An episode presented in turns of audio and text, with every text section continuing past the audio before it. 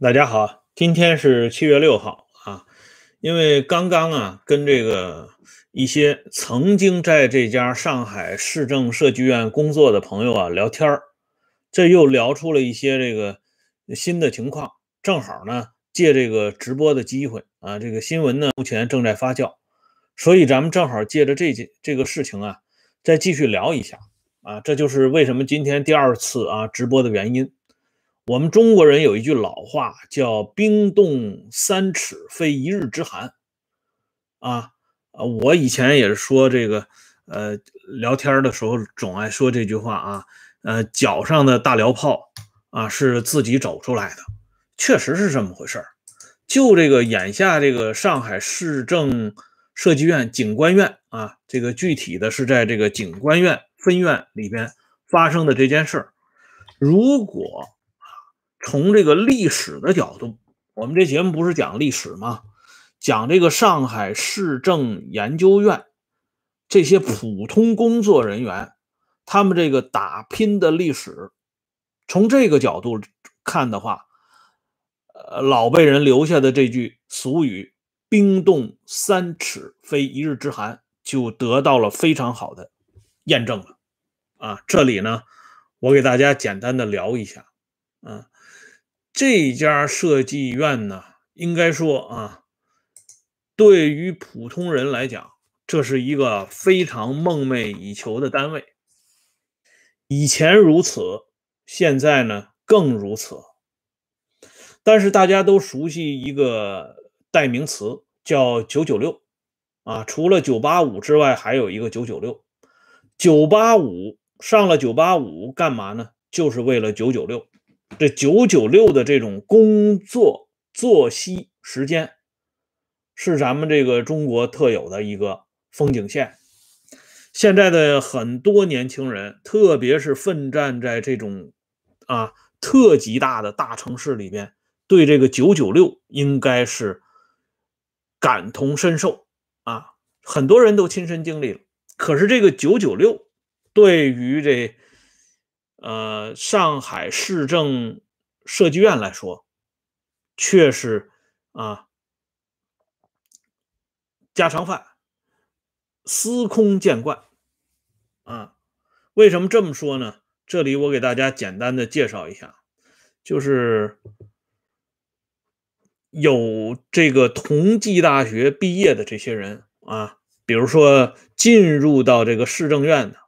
按说，在他们这同学当中呢，呃，也是相当不错的啊。当然了，这个同济大学自己培养的这方面啊，建筑设计方面的学生进入这家市政研究院呢，也算是正常。就像当年这黄埔军校毕业的学生啊，穿上这个黄马褂，一点都不奇怪。可是这些学生啊，出了校门之后，进入到这家设计院。那是相当拼命的。二零零三年，上海市中环线设计投标，这些刚进入到设计院的这些年轻人，就已经实行九九六了。距今十八年前呢，这以前有个老电影叫啊，老电视剧叫《敌营十八年》啊，你看人家这十八年是怎么熬过来的，一点不比那《敌营十八年》里边的差啊。零三年设计这个中环线的时候，这些年轻的学生们刚刚啊摆脱稚气啊，走进工作单位。他们是从早晨八点钟开始干活，一直干到凌晨一点，啊，就是十二点四十五分，这跟凌晨一点没区别了。这大家算一下，二十四点到八点，这是十六个多小时的工作呀。这人呢，啊，几乎是不合眼的，就在那儿拼命的干啊。吃饭呢，就是普通的这种盒饭。零三年那个时候，盒饭的质量跟今天比，大家心里也都清楚。那么到了凌晨一点左右，就在隔壁的这种连锁的小酒店里睡觉。然后第二天早晨呢，已经不是第二天早晨了啊，因为已经是凌晨了啊。睡大概六个小时左右，啊，七点钟左右要起床，啊，洗漱完毕，八点钟又开始干活，连续干了三个月，啊，所以那个时候就是零三年到零五年这段时间里，这种招投标工作过程当中，这种连续通宵加班已经是非常普遍的现象。在这家设计院里边，这是很多年轻人都经历过的事情，不信大家可以去访一访啊，确实很厉害。这种强劳动啊，真的是拼命，而且这里边呢，这个拼命三郎里边呢，他还有本地人和外地人的区分。这本地的啊，上海本地的这些人呢，因为家里多多少少都有那么两套三套房子，啊，有房子在手呢，他这这个人生起步的成本就降低了一大块，所以他跟这些外地来的。这些同学啊，外地呃进入到上海的这些工作人员呢，他从这个内心这个角度上讲，他就有区别。本地的人呢，就不会特别的拼命啊。这一点其实我自己都有感受。我曾经在深圳工作过一段时间，我就发现深圳本地的这些人啊，大家都知道啊，深圳本地的这些人特别有钱，因为当初呢，因为这个城市的啊突然崛起的原因啊。导致这个本地的这些房价呢水涨船高，而本地人受益最大啊，所以本地人的子女呢，说白了啊，生下来就是富二代，哎，所以他们不是特别努力的。那上海这种情况也是这样，北京也是这样，而这些外地的这些啊到上海的这些人呢，是真的拼命啊，久而久之呢，就让这些本地的这些人就觉得啊。有压力，因为人家那么拼命，你呢显得就不那么拼命了。这样领导呢对这些人的看法呢就有了一些不同啊，这是一方面。再有一点就是这家设计院的外地项目后来是越来越多，因为它影响越来越大呀，所以招进来的人呢必须要接受去外地做设计两到三年，能不能再回上海呢？两说。所以有些这个外地来的这些人呢，就比较苦，啊，去了以后呢，可能就回不来了，啊，本地的上海本地的呢，还有机会啊，重新被调回来。所以在这家这个市政设计院工作，一方面呢是这种强度很大的工作条件，一方面呢又是惴惴不安。啊，你随时有可能给调到外地去，不一定再回到上海了。可是呢，还是啊，有很多人蜂拥而至，就是因为这家这个设计院的待遇太好了。啊，刚才的那一期直播里边，我们就说到这个待遇，具体讲呢，就像这种啊，专业负责一点的，一年呢能够拿到四十万元人民币。啊，这还是其中的一部分。像这种副所长一级的干部，刚才死的这个是电气所的所长啊。有的朋友已经说了，副所长以上的这种啊负责人，年薪一百万开外啊。那再加上乱七八糟的这些收入，大家想一想，即便是在高消费的上海市。啊，这年薪一百五六十万也相当可以了啊，养家肯定是没问题，甚至呢还属于有点小富啊。所以这样的单位里边呢，大家尽管吃苦啊，而且呢这个工作地点还不固定，但是都忍了，看在钱的份上，因为这么一笔收入呢，在当今的社会里边。那是绝对不可或缺的。哎，以前大家看过这个互联网上这个上海市啊，年收入百万元的一些人，在铺陈自己的这种花销消费，有那么一个清单，那还是年薪一百万，这种年薪一百五六十万的，恐怕又要上一个台阶了啊。所以呢，这个。在这个院里边呢，就出现过这样的情况，就是说，当时曾经有一个普通的员工啊，拿着年收入五六十万的这个概念，就因为工作上的原因要被院里劝退，结果这个人就疯了，就精神不正常了，天天喊着叫着啊，大哭小叫，然后就在这个他们这个总院领导的办公室里边，就闹着不走啊。最后，这个院领导呢，拿他也没有办法，就先养着他，也没有触怒他，就是怕有过激的行为。这是当年这家设计院曾经发生过的一件事情。可是这一次，可能是真的到了临界点了啊！这警官院里边的这个年轻人，拔刀就把这个所长呢就给开销了。这个事儿在这个他们这个总院里边影响挺大的。刚才大家可能也看到了，他那个总院里边有那个微信呢，微信群专门还发了个通知，说这件事情绝对要保守秘密，不能接受外来的媒体采访，更不能随便到外边说去啊！这对这个院里的形象啊，对大家的利益都不好啊！所谓家丑不可外扬。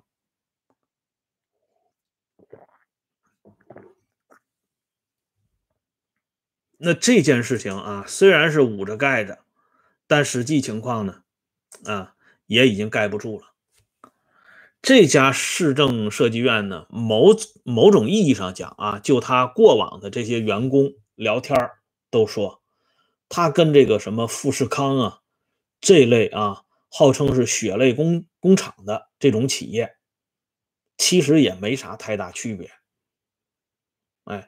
就是一味的压榨和盘剥底层的员工的啊利益，把你呢就是放到最大化，哎，趁着你年轻就驱使你去干那些最难最累的活儿，嗯，最后呢，呃，他会这个利用什么考核呀等等啊各种各样的这个呃限定。就把你呢悄悄的就给打发了，哎，所以咱们这个有些在这家设计院工作的一些人呢，后来陆陆续续就离开这家设计院了，玩不起了啊，年龄大了啊，也不愿意挨这份累了啊，都去到一些小一点、规模小一点的设计院。当然了，那些小的设计院呢，比这家收入待遇要降一个档次，可是呢。